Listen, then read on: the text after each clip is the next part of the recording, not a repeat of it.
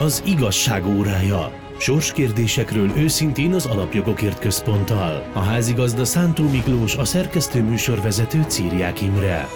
Szint vallottak.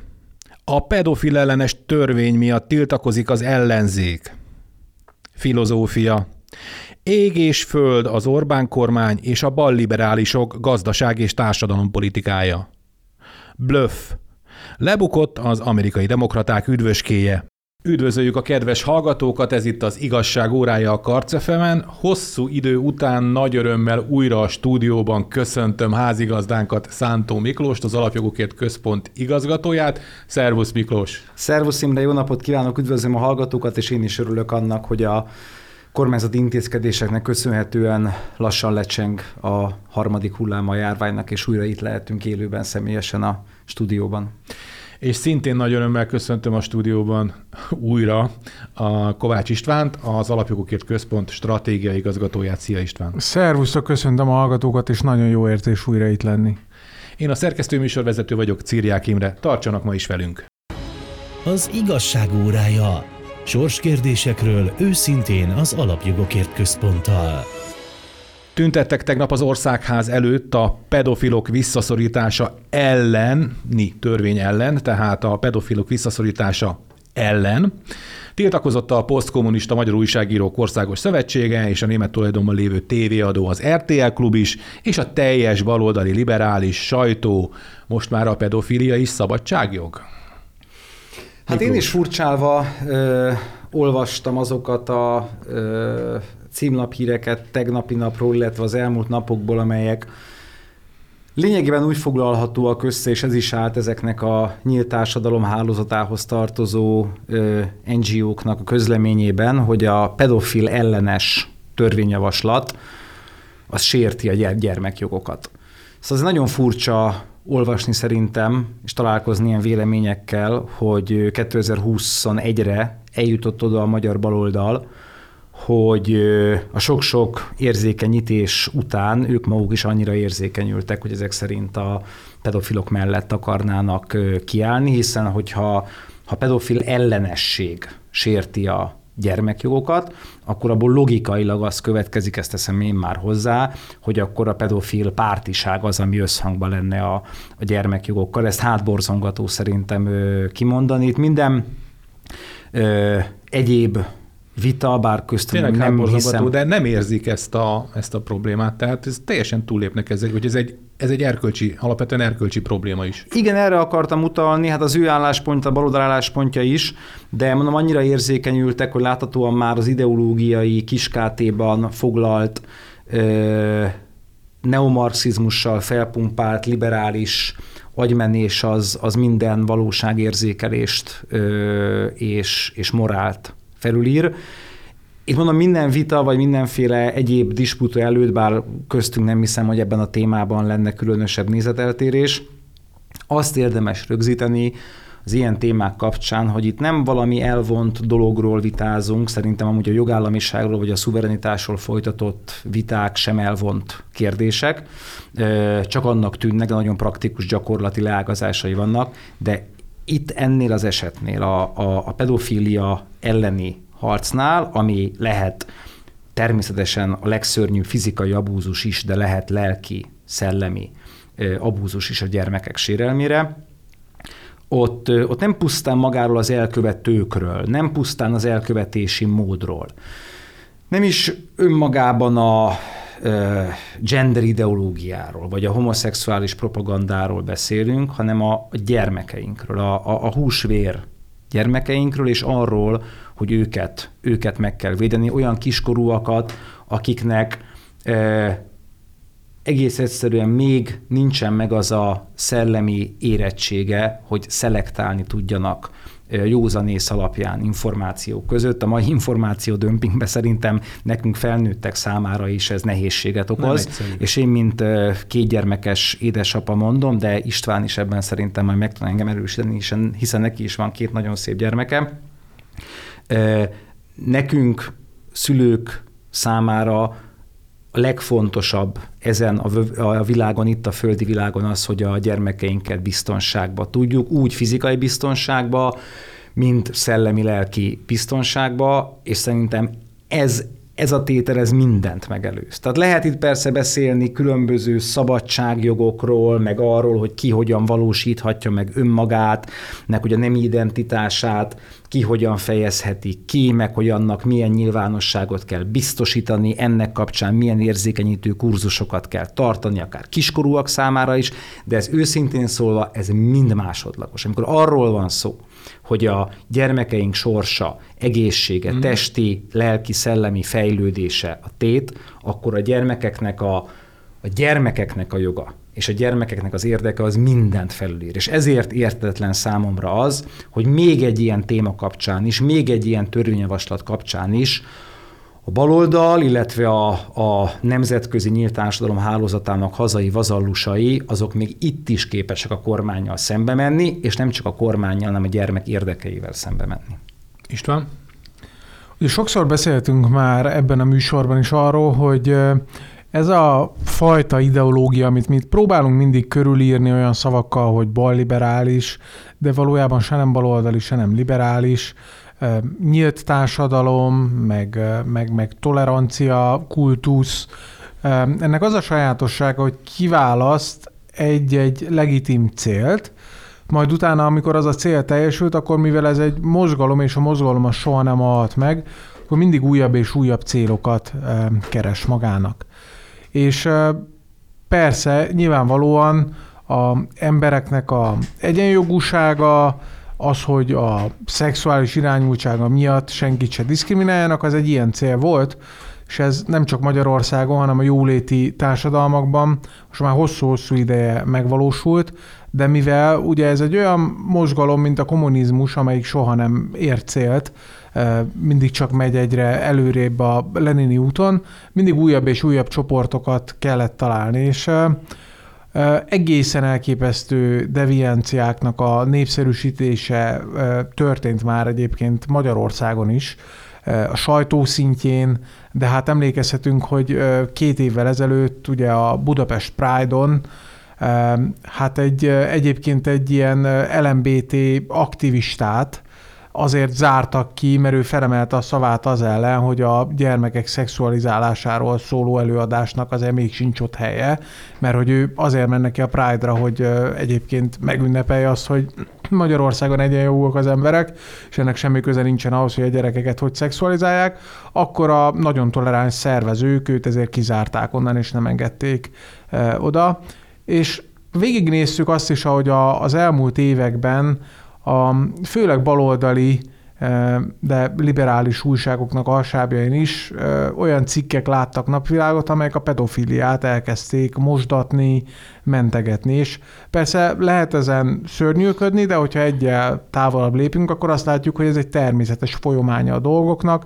Erről beszéltünk már évek óta, hogy előbb-utóbb ez el fog jönni, hiszen már annyira felszabadítottak mindenfajta szexuális kisebbséget, hogy már ilyen, ilyen abszolút torz, deviáns, tényleg a sátáni kategóriába tartozó emberek jöhetnek csak a sorba, mint egyébként, hogy azt deklarálnák, hogy akkor célt értünk végre, és akkor Magyarországon mindenki szabad. Mert hogy, hogy ö, szerintem a, a magyar emberek és Magyarország az ö, végletekig toleráns. Tehát, hogyha belegondolunk, hogy, a, hogy, a, hogy az elmúlt években mondjuk a Pride mindenfajta provokáció ellenére úgy ment végig, hogy nem rendőrsorfalak között kísérték végig az embereket, nem dobálták őket kővel, mint annó vagy urcsányék között, akkor azt is mondhatnánk, hogy ez egy, ez egy pozitív tendencia, akkor is, hogyha nem értünk egyet azzal, ami, ami, ami előtt tüntetnek, de hát hát hogy mondjam, azért a gyerekeink az csak egy olyan vörös vonal, amit bármennyire toleráns az ember, azt nem lehet átlépni. És azt láttuk az elmúlt években, hogy fokozatosan, még ha nem is lépték át ezt a vörös vonalat, de rátették a lábukat, kezdték ugye feszegetni a határokat el, mosni itt a bűncselekmény, elkövetője és az áldozat közötti határokat. A pedofilis ember. Ez is csak egy ugyanolyan fajta szexuális irányultság, mint a többi. Ha a többit tolerálni kell, akkor ezt miért ne kellene tolerálni? Nem büntetni, hanem gyógyítani kell ezeket az embereket. Ilyen és hasonló cikkek sorozata látott fényt a magyar sajtóban, a magát független objektívnek, meg mértékadónak, meg nagybetűs újságírásnak nevező sajtó ilyen és ehhez hasonló cikkeknek adott helyet. Tehát nagyon is indokolt volt az, ami, amit szerintem épeszű ember nem vonhatott kétségben eddig sem, hogy a pedofiliának bármilyen megnyilvánulását, legyen az konkrét szexuális bűncselekmény, vagy egyébként a kisgyerekeknek a szellemi megrontása, azt, azt igenis elejét kell venni, a jogeszközével kell elejét venni. Én azt mondom, hogy ez a, ez a törvény, ez egy szükséges, de egyáltalán nem, nem elégséges dolog. Nagyon sok fog múlni azon, hogy a végrehajtási rendeletek, illetve a végrehajtásnak a gyakorlata az hogyan alakul majd. Úgyhogy az első lépést azt megtették a kormánypártok a jó irányba, de itt még, itt még nagyon sok tennivaló lesz az elkövetkezendő hónapokban és talán években is.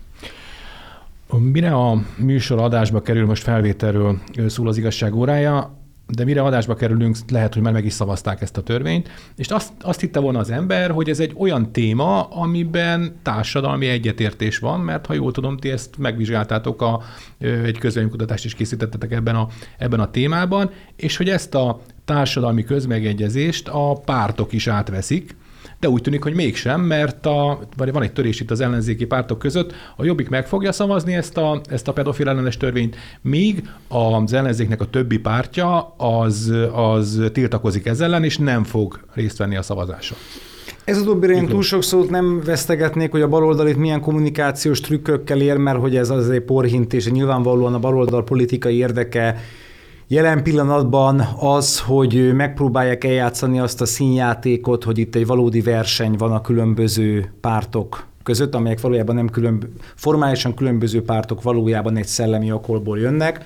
Ugye az előválasztásnak is ez lenne a kommunikációs célja, hogy azt mutassák be, hogy itt, itt egy igazi versengés van a, a baloldalon a különböző pártok között, és ennek szól, vagy ennek a része szerintem az, hogy most a Jobbik azt mondja, hogy ők megszavazzák ezt a törvényjavaslatot, bár ellenzik a gender propaganda, illetve a homoszexualitás népszerűsítése elleni részeket, de majd, hogyha kormányra kerülnek, zárójel kac-kac, akkor majd ezeket a részeket ki fogják venni a törvényszövegben. Említetted a felméréseinket, az még korábban a gender ideológia kapcsán volt, ott valóban a magyar társadalom kétharmada elutasítja magát a gender ideológiát, és ahogy már a konkrét ö, kérdésekhez, például ahhoz értünk a, a kutatás során, hogy a gyermekeken elvégzett nemi átalakító műtéteket támogatnák-e? A válaszadók, reprezentatív mintából, ott már 80% feletti volt az elutasítottság, ott is volt egy 10%-nyi, ami azt mondta különben, hogy ők, ők ezeket támogatnák, de azért mindig Magyarországon egy masszív többsége van a józan észnek. Pedofília kapcsán most zajlik egy közélmény kutatásunk, azzal majd ki fogunk jönni a, a napokban, vagy a hétvége fele, arról nagyon szívesen mm. beszámolunk itt a, a jövő héten. Még annyit engedj meg, Köszönjük. azért itt a, az egész kérdéskör kapcsán, ugye, hogy hogy a, csak a hallgatók is ugye tisztában legyenek az alapvető tényekkel, benyújtottak egy a pedofília szigorú büntetésére és a pedofilok kriminalizálására vonatkozó törvényjavaslatot. Ja, volt a Kaleta ügy, ami, a, aki a, egy nagykövet volt, és a, tényleg ez a, ez a kormány nevezte ki, bár egyébként a diplomáciai testületben nem a Fidesz kormány alatt lépett hát be. Hát már bőven a megyesi Igen, diplomatános speciál még a megyeség nevezték. Na mindegy, és lebukott, ugye, hogy pedofil, pedofil tartalmat találtak a követségi számítógépén egyébként, és ezt megpróbálta az ellenzék ráégetni a kormányra.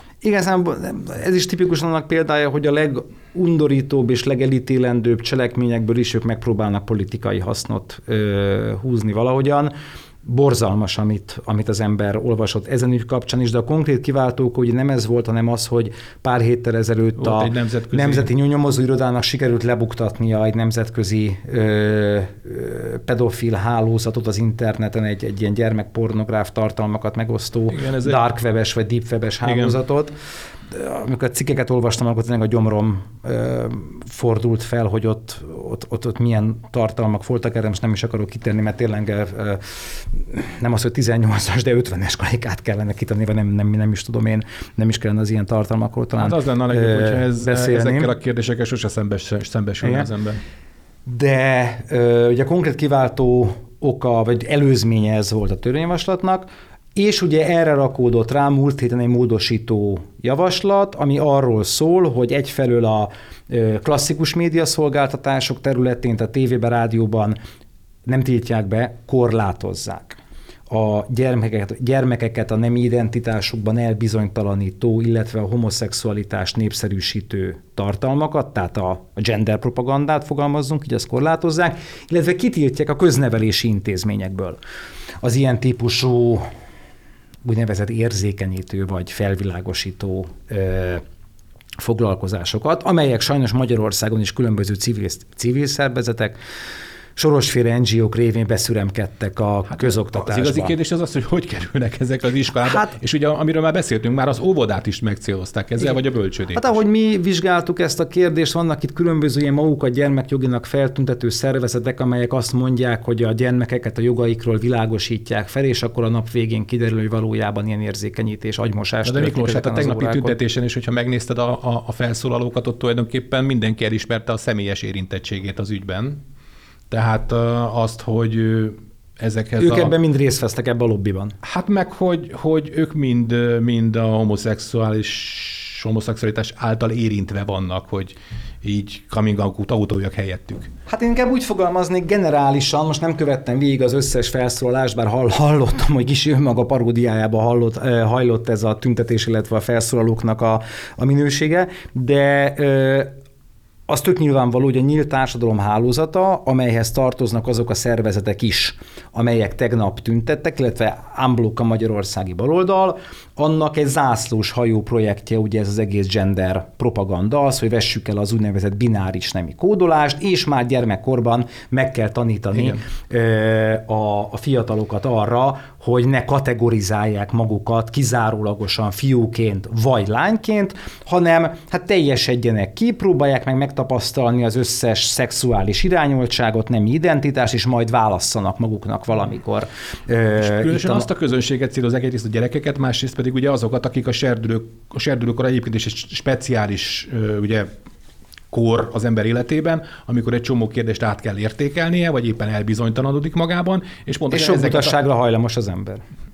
igen, és is. ezeket az embereket célozzák meg lényegében. És most nem akarom itt végletesen elvenni a szót Kovács István kollégámtól, csak még két, két tétel, de ehhez Bocsánat, kapcsolódva, igen. amit itt beszéltünk. Az egyik az az, hogy ugye tök nyilvánvaló, hogy a hallgatók számára is egyértelmű legyen, hogy mi itt a stúdióban nem arról beszélgettünk, meg szerintem korábban sem arról beszélgettünk ebben a műsorban, vagy más műsorban az Alapjókért Központnak a képviselői, nem arról beszéltek, hogy most kiviszonyul szimpátiával, vagy antipátiával a homoszexualitás iránt, vagy adott esetben olyan emberek iránt, akik magukat transzneműként definiálják, bármit is jelentsen ez a transzneműség. Itt arról van szó, az a kérdés, hogy jó-e, erkölcsileg, morálisan, társadalmilag támogatható-e az, hogyha ezt az egész ö, homoszexuális propagandát, meg gender ideológiát egyféle trendi és követendő életmód szabadságként reklámozzák.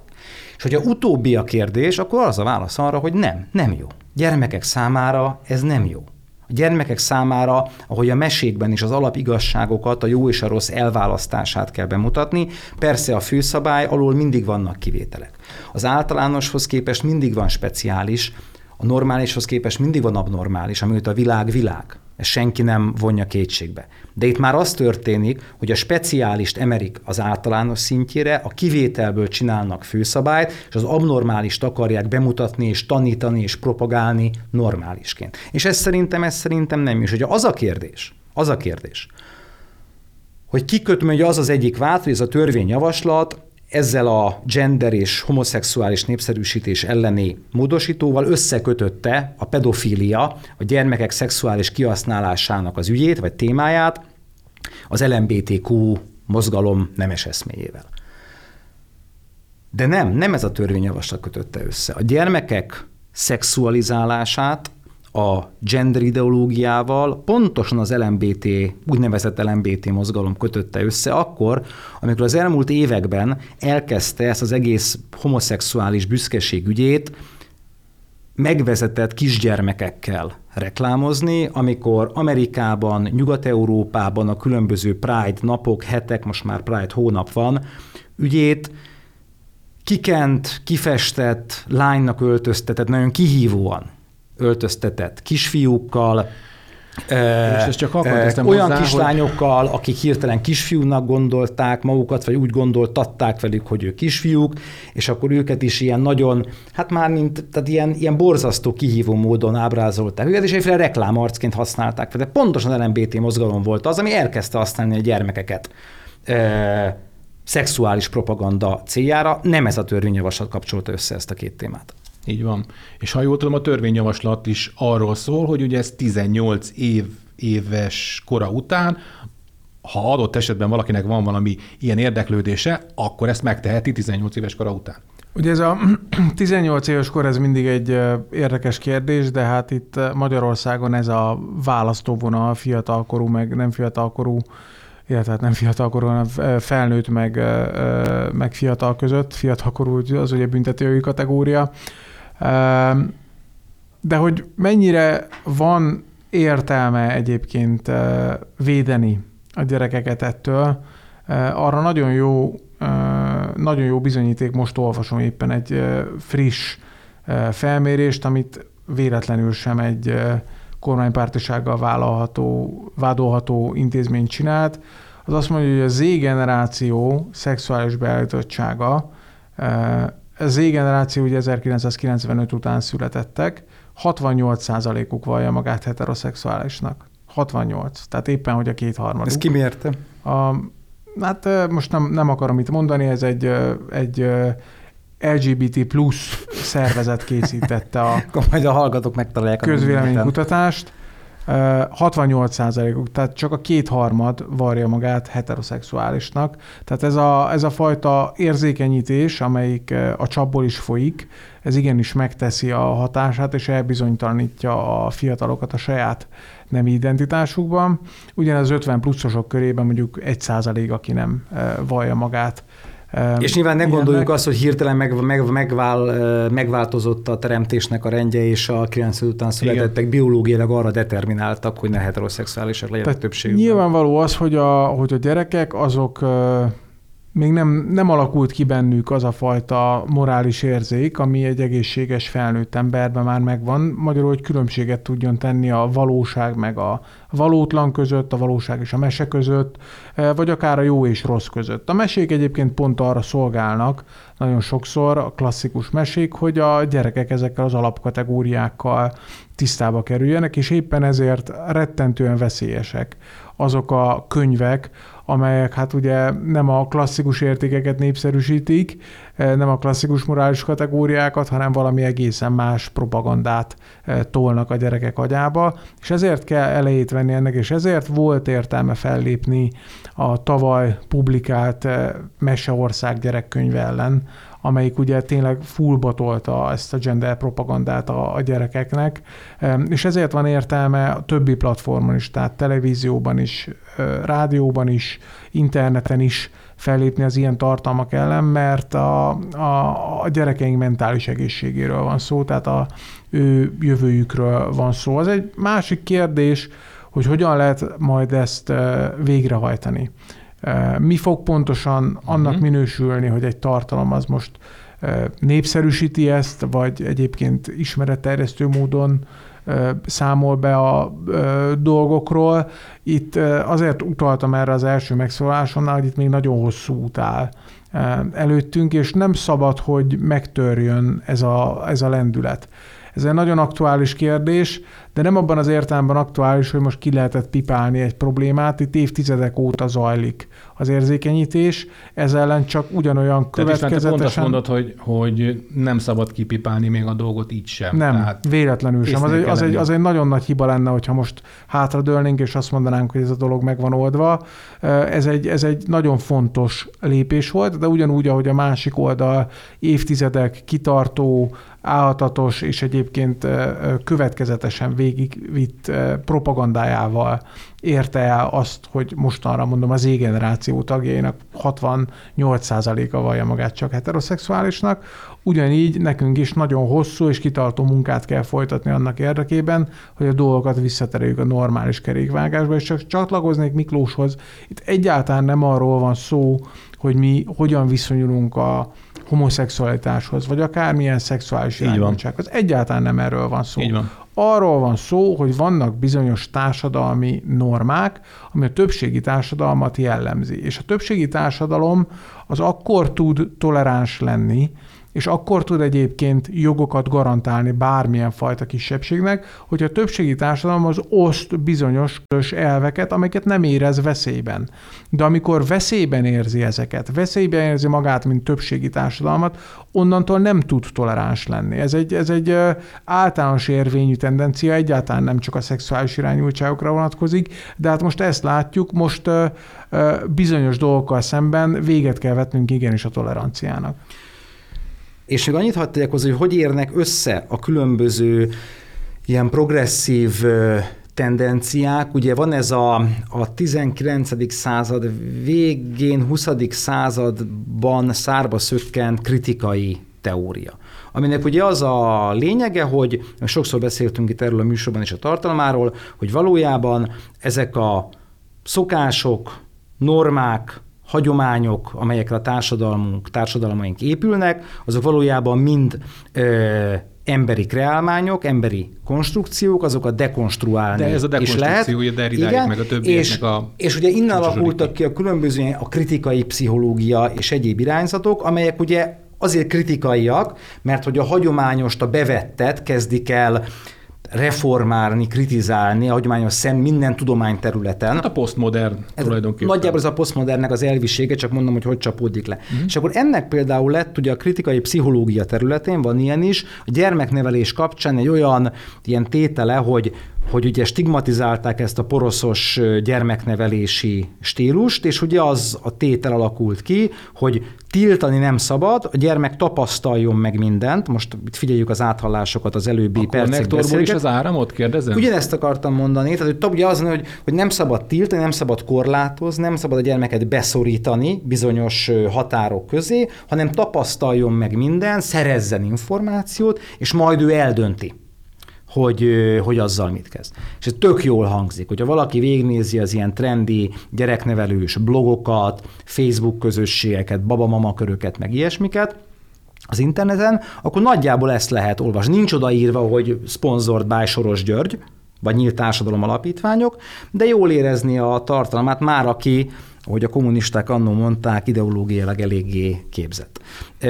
De teszem fel a kérdést. Valóban, tehát hogy a, ha azt mondom a gyereknek, hogy a tűzzel ne játszál, ne tedd bele a kezedet a konnektorba, ne akar leugrani egy két-három méter magasan lévő szekrényről, akkor én most korlátozom a gyermeket? Amikor azt mondom, hogy nem biztos, hogy jó az, hogy négy-öt éves óvodás gyerekeknek ilyen drag queenek, tehát ilyen nagyon harsányan nőnek öltözött férfiak tartanak meseolvasást, érzékenyítő meseolvasást óvodákban, ugye Nyugat-Európában, Amerikában.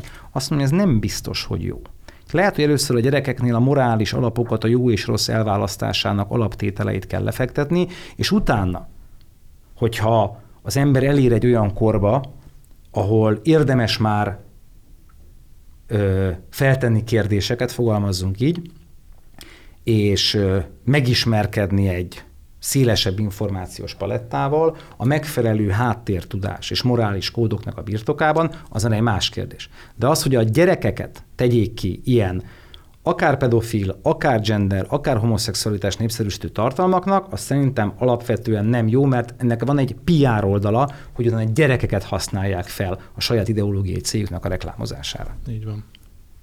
Önök az igazság óráját hallgatják a Karcefemen, műsorunk hamarosan folytatódik.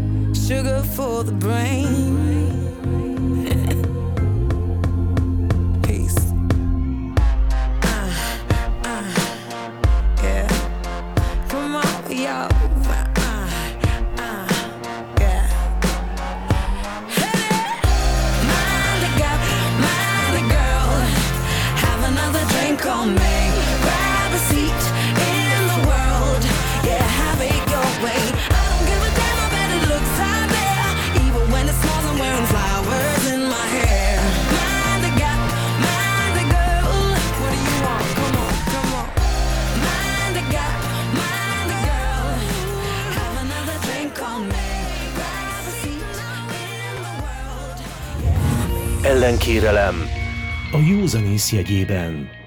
Önök az igazság óráját hallgatják a Karcefemen, a stúdióban Szántó Miklós, az Alapjogokért Központ igazgatója, és Kovács István, az Alapjogokért Központ stratégiai igazgatója, én Círiák Imre vagyok.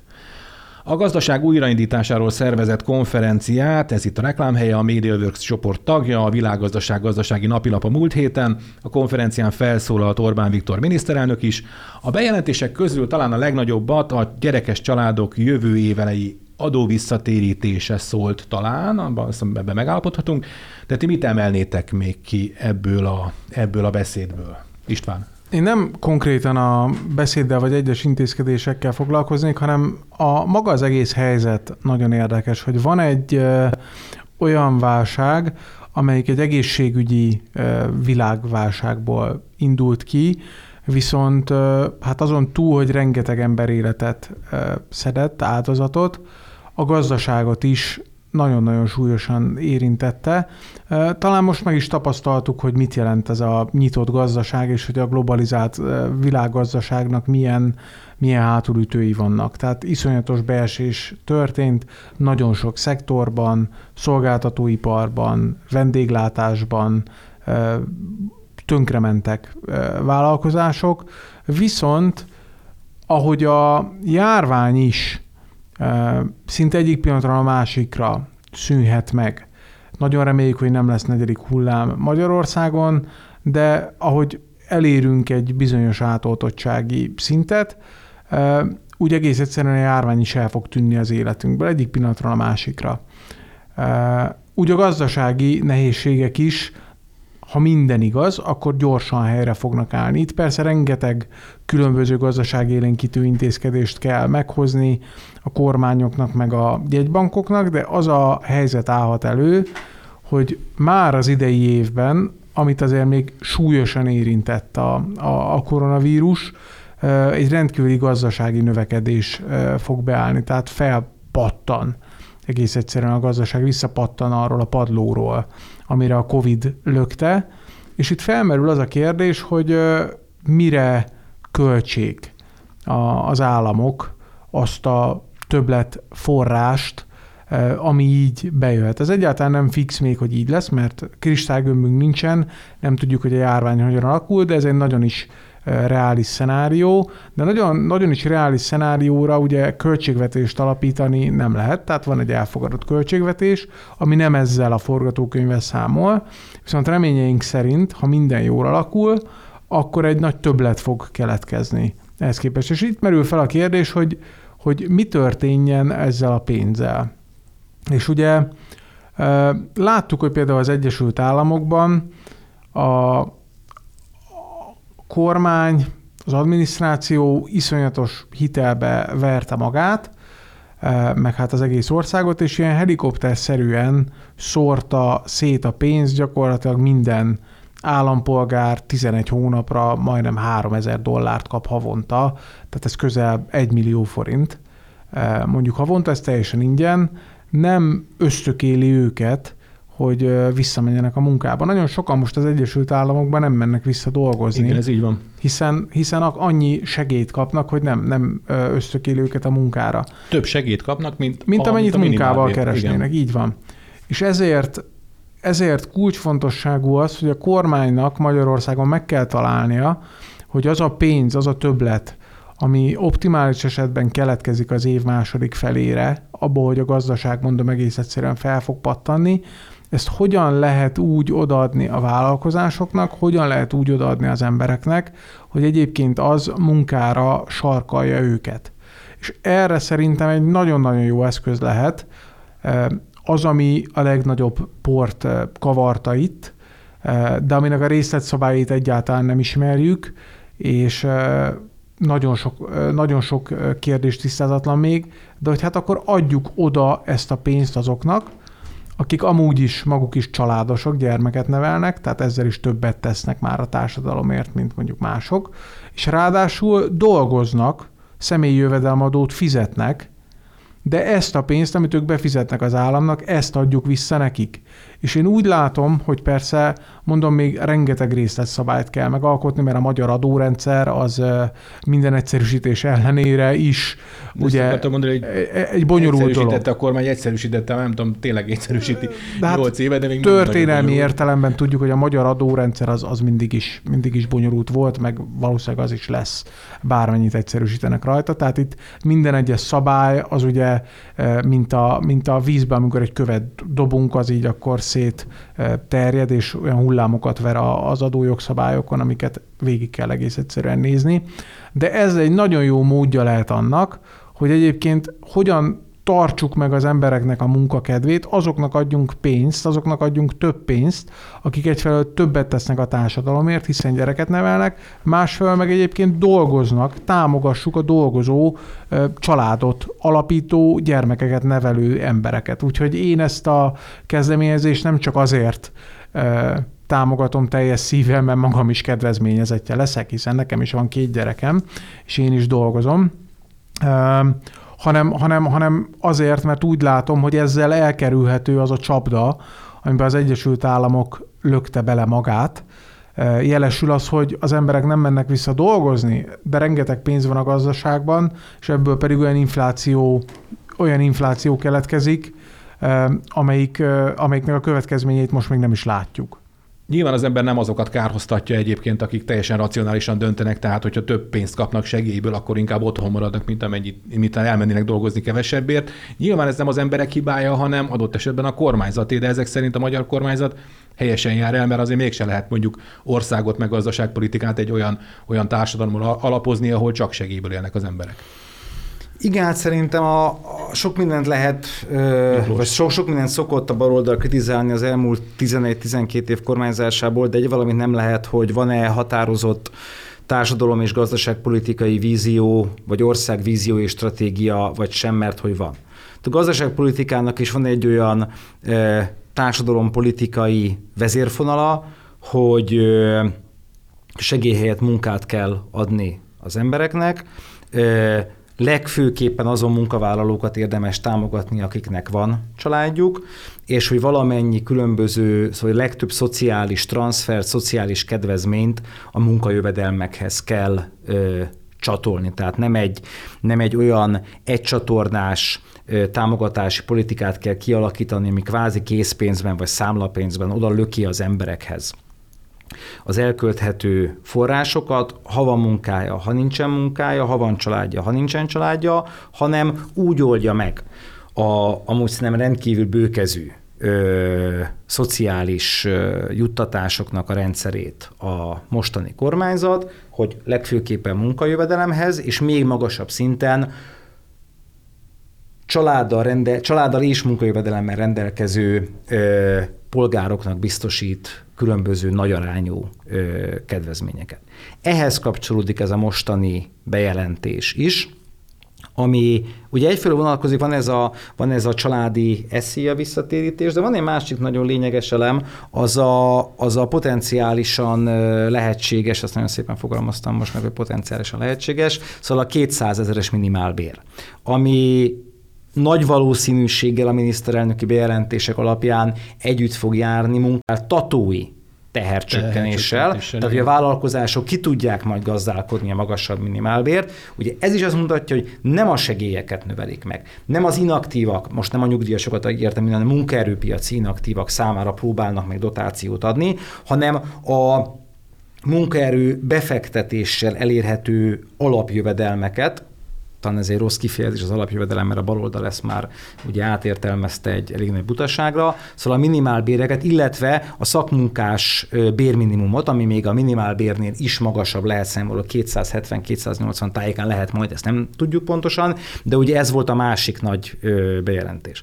És, és ennek kapcsán azért jól kirajzolódik a két baloldali, illetve konzervatív gazdaságfilozófia közötti különbség, hogy a baloldal az mindig csak általános osztogató, vagy általános fosztogató gazdaságpolitikában, meg szociálpolitikában gondolkodik. Tehát, hogyha pénzbőség van, akkor általános osztogatásba kezdnek, erre jó példa a megyesi kormánynak a működés, amilyen helikopterszerűen kezdett el mindenfele pénzt vonni. Ha meg baj van, akkor azonnal megszorítanak, fűnyíró elf szerűen, és mindenkitől, nyugdíjasoktól, családosoktól, közigazgatásban dolgozóktól, mindenkitől elvesznek pénzt. Ez jó példa ugye a Gyurcsány és a bajnai kormányoknak a úgynevezett válságkezelése. Most ezzel szemben áll az a konzervatív megközelítés, ami a számoknál előrébb valónak tartja az emberi meg a családi sorsokat, és hogyha van, vagy rendelkezésre fog állni egy 5,5 százalék körüli gazdaság növekedésnél plusz pénz, és az a kérdés, hogy mondjuk abból még másfél-két százalékot lejjebb szorítsanak a költségvetési hiányon, amely európai összevetésben nem lesz szerintem iszonyatosan magas, talán 6 7% környékére tervez idén a kormány, de lehet, hogy, hogy alacsonyabb ez a szám. Európai összevetésben egyáltalán nem magas. Európai összevetésben még a 80%-os államadóságunk sem magas. Most a többi országnak már, jóval a magasabbra nőtt a válság következtében. 100% felett van nagyon sok uniós úgynevezett fejlett tagállam. Tehát, hogyha van elkölthető pénz, az inkább arra fordítsuk, hogy jól nézzen ki majd a konvergencia jelentés, amit le kell adni Brüsszel felé, és mondjuk ne 6%-os hiány legyen, csak 3,5, erre fordítsuk a gazdaságból bejövő pluszpénzeket, vagy arra fordítsuk, amire az István is utalt, hogy, hogy, hogy az embereknél, a családoknál maradjon olyan módon, ahogy az előbb leírtam, hogy az a munkajövedelmekhez, illetve a családos léthez tapadjon, aminek nyilván van, már látható is, egy demográfiai pozitív hatása. És ez utóbbi utat választja a kormány, nem azt csinálja, mint a, mint a 2010 előtti időszakban, vagy amit a neoliberális receptkönyvek ö, diktálnak, hanem ebben az útban is, ki, ebben a ö, helyzetben is kihasználja a döntéshozatalnak a stratégiai autonómiáját, ami szerintem a központi tétele az egész kormányzásnak, hogy nem nyugati mintákat, nem kereti mintákat követünk kizárólagosan, ami hasznos tudás, kapcsolat, információ, beszerzési lehetőség, lásd vakcinák, azt nyugatról és keletről is ha, ö, ö, hasznosítjuk, de létrehozunk itt Magyarországon Magyarországon egy olyan hatékony társadalom politikai mixet, ezt most találtam ki, tök jól hangzik, ami kifejezetten a magyar érdeket, a magyar emberek és a magyar családok érdekeit helyezi előtérbe. Szerintem már ebből a témából elég, bár van egy érdekes kérdés, még ugye a nemzeti konzultáció és a klímaadó kérdés, ami azért érdekes, mert Svájcban volt egy népszavazás a hétvégén, ahol a svájciak leszamazták a klímaadót, tehát nem csak Magyarországon van ez a, hogy a miniszterelnök is fogalmazott ugye a gondolkodás előterében, hanem egész Európában ez a kérdés. Következzen az idők szava, azaz pillanat felvé, felvétel a haladár, azaz a progresszív oldalról. Bolondjukból Szemle a politikailag korrekt hírek világából. Ma is az Alapjogokért Központ szemléjéből válogattunk. A Post Millenial cikkezett arról, hogy Alexandrió Ocasio Cortez, az amerikai demokrata párt radikális, radikális szárnyának üdvöskéje, a Twitteren arról értekezett, hogy Donald Trump volt amerikai elnök az oka a portorikói nagymamája rossz életkörülményeinek. Erre válaszul a közösségi oldalt elárasztották azok a posztok, amik azután érdeklődtek, hogy akkor ő miért nem segít a nagymamáján, ha már a nem kevés adófizetői pénzből él meglehetősen jómódúan. A legfrappánsabb választ egy jobboldali blogger adta Okázió Cortez képmutatására, aki pénzgyűjtésbe kezdett, hogy megsegítse az idős hölgyet, tehát a demokrata képviselő nagymamáját. Rövid idő alatt össze is gyűlt több mint 100 ezer dollár, nem lennék meglepve egyébként, hogyha Donald Trump is adakozott volna a célra, amit azonban a demokrata képviselő azóta sem fogadott el. A demokrata képviselő ezek szerint nem csak, hogy nem mondott igazat, de akkor le is bukott, ha jól veszem ki? István. Nekem erről az jutott eszembe, eh, lehet, hogy emlékeztek rá, amikor Gyurcsány Ferenc a Népszabadság hasábjain eh, ugye hát sok milliárdos vagyonával arról értekezett, hogy anyám Katus, írta ugye Gyurcsány, otthon vacog a konyhában, és eh, nézi a gázórát, hogy éppen most... Ja, hogy hogy pörög a gázóra. Hogy éppen most fűtsön, vagy egyébként ebédet főzzön, és mindezt azért, mert a, a gonosz jobboldali kormányok így hagyták, úgyhogy mondom, Gyurcsány Ferenc már akkor is hát milliárdos, sok milliárdos vagyonon ült. Ez ugyanaz a kategória, ez a bizonyos jó emberkedés, ez elfogy, amikor egyébként a közvetlen környezetüket vagy családtagjaikat kellene megsegíteni. Tehát ez a bizonyos hölgy rengeteg pénzt keres egyébként közpénzből, amiből bőven futná arra, hogy nem csak a nagymamáját, hanem egyébként nagyon sok nagymamát megsegíthessen, de neki sokkal egyszerűbb ugye mindenfajta vélt vagy valós kisebbségek jogaiért kardoskodni, és ott a, ugye ez a bizonyos social justice warrior, tehát a szociális igazságosságnak a, a harcosa Bajnoka. bőrébe bújva, kardoskodni az emberi jogok mellett, mint hogy egyébként a saját nagymamáján segítsen. Nagyjából Gyurcsány is így volt akkor, amikor leírta, hogy az anyja vacog ugye otthon a kis fülkében, és nem tudja, hogy fűtsön vagy főzzön. Ő meg ugye a hát egykori zsidó családtól elkobzott hatalmas villába, amit a feleségének a nagyapja azért kapott, mert Nagy Imréiket a bitó alá küldte a Rózsadombon, ugye hát kényelmesen élte életét. A képmutatásnak a horizontját én még tovább tágítanám hazai, meg, meg nemzetközi kitekintésben egyaránt.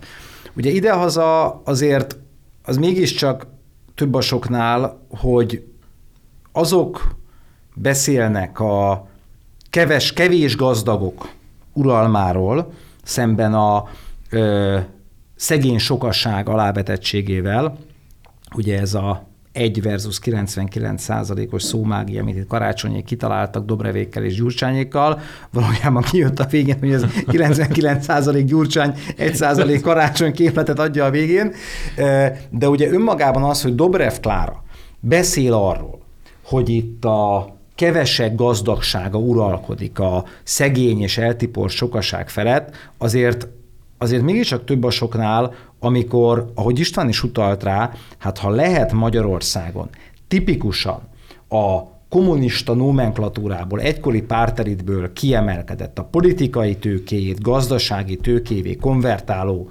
családról, illetve e, mafiaszerű hálózatról beszélni, hát akkor az a Gyurcsány Dobrev apró klán.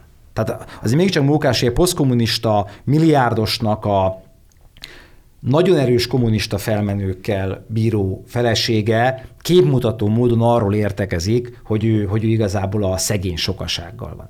És hogy még egy nemzetközi példát, vagy egy másik De a rózsadomról könnyű a szegény sokassággal lenni, nem? Hát ez a jó emberkedés, ez mindig ilyen, tehát a, a, a fotelből történő kényelmes jó emberkedés, és a, a bemegyünk a, most nem akarom itt reklámozni, a nemzetközi kávézóláncnak a, az éttermébe, és ott bambusznádból kifaragott szívószállal ellátott mindenmentes avokádós lattét kérünk, amit a világ minden tájáról hozzák hozzá a összetevőket, és leülünk a kis modern laptopunk elé, és cikkeket írunk a klímaharcról, az De az összetevőket mókás. is minimálbéren foglalkoztatott harmadik világbeli munkások szedik össze ehhez a speciális italhoz, meg valószínűleg ezt a laptopot is az ottani minimálbéren foglalkoztatott harmadik világbeli munkások készítették. Igen, és még hozzátenném, hogy ugye ehhez a társadalmi igazságharcó, harc, nyugati társadalmi igazságharchoz nagy rössel és nagy pénzforrásokkal csatlakozó különböző multinacionális vállalatok, Ö, most szinte nem akarok itt reklámozni senki, de gondoljon mindenki a különböző IT-ipari óriásokra, a különböző ö, üdítő italokat gyártó cégekre és egyebekre, hát nekik nagyon komoly pénzügyi befektetéseik és gyárkapacitásaik, megbeszállító kapacitásaik vannak olyan ázsiai országokban, Kínában, Vietnámban, meg egyéb helyeken, amelyekkel szemben Nyugat-Európában, meg Amerikában heves kampányt folytatnak, és elítélik mondjuk az ujgur munkatáborokat, amiket el kell ítélni, nyilvánvalóan. És közben olyan hírek jönnek Kínából, hogy olyan tartományokban is dolgoztatnak, vagy gyártatnak ezek a cégek, amely tartományokban ujgur munkatáborból átvezényelt munkások is vannak. Nem volt konfirmálva egy az egyben a dolog, de mégiscsak mókás, hogy nyugaton Kína ellenességet szítanak, miközben azért ők nem az, hogy Kínával bizniszelnek, de Kínában csinálnak ö, biznisz. És hogy még egy képmutató példát hozzak nemzetközi frontról, az az, az hogy ugye éjjel-nappal halljuk, hogy a, a gazdagoknak, a nagy jó módban élőknek, a milliárdosoknak részt kell venniük ebben a társadalmi igazság harcban, más nem hallunk. Soros Györgytől, hogy milyen nagy globális adókat kell kivetni, a klímaszennyezés és ők mennyire kapcsán. szívesen fizetnének adót. És akkor kijön Vagy a nagyobb hír, adókat. Igen. Ja, igen, igen, és ők elmondják, hogy nagyon pártolják a progresszív adózást, meg a vagyonadót. És akkor kijön a hír, hogy eh, Jeff Bezos, ugye az Amazonnak az alapítója, Michael Bloomberg, demokrata politikus volt, New Yorki polgármester, dúsgazdag, befektető vállalkozó, Elon Musk, a te- Teslának a tulaja, vagy éppen Soros György, az elmúlt években Amerikában egy buznyák szövetségi adót nem fizetett. Semmit? Semmit. Semmit. Tehát, hogy, hogy egész szövetségi szinten most nyilván valahogy elhelyezték úgy az adótanácsadóik különböző adóparadicsomokban, hogy valamilyen államnak vagy entitásnak valamilyen adót fizettek, de klasszikusan amerikai vállalkozók, amerikai pénzügyi entitások, amerikai cégeknek a tulajdonosai Amerikában szövetségi szinten nem fizettek adót, az mégis a mókásan néz ki amellett, hogy ők amúgy arról papolnak, hogy milyen nagy társadalmi pénzügyi felelősségvállalást kell tanúsítania ö, a, a ö, egy százaléknak a, a kevés gazdag ember. Hát így könnyű, nem? Azt hiszem, erre ezt mondhatnánk. Egyébként csak annyit, még egy képmutatást eleplezendő, hogy Puerto Rico egy érde- érdekes ország, tehát a szegény portorikóikról még egy, egy érdekes tény. Puerto Rico lehetett volna az Amerikai Egyesült Államok 51. tagállama, és nem is egyszer, ha csak a portorikóiak le nem szavazzák többször népszavazáson, tehát ennyi a, ennyi a szegény el nem ott portorikóiakról. Ennyi fért ma az igazság órájába, az Alapjogokért Központ és a Karcefem közös műsorába. Hallgatóinknak köszönjük a megtisztelő figyelmet, vendégeinknek Szántó Miklósnak, az Alapjogokért Központ igazgatójának, és Kovács Istvánnak, az Alapjogokért Központ stratégiai igazgatójának pedig köszönjük a segítséget, köszönjük, hogy itt voltatok.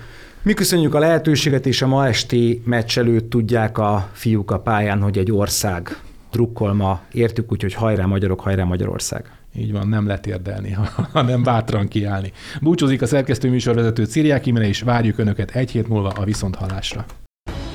Az igazság órája. Sorskérdésekről őszintén az Alapjogokért Központtal. A házigazda Szántó Miklós, a szerkesztő műsorvezető Círiák Imre.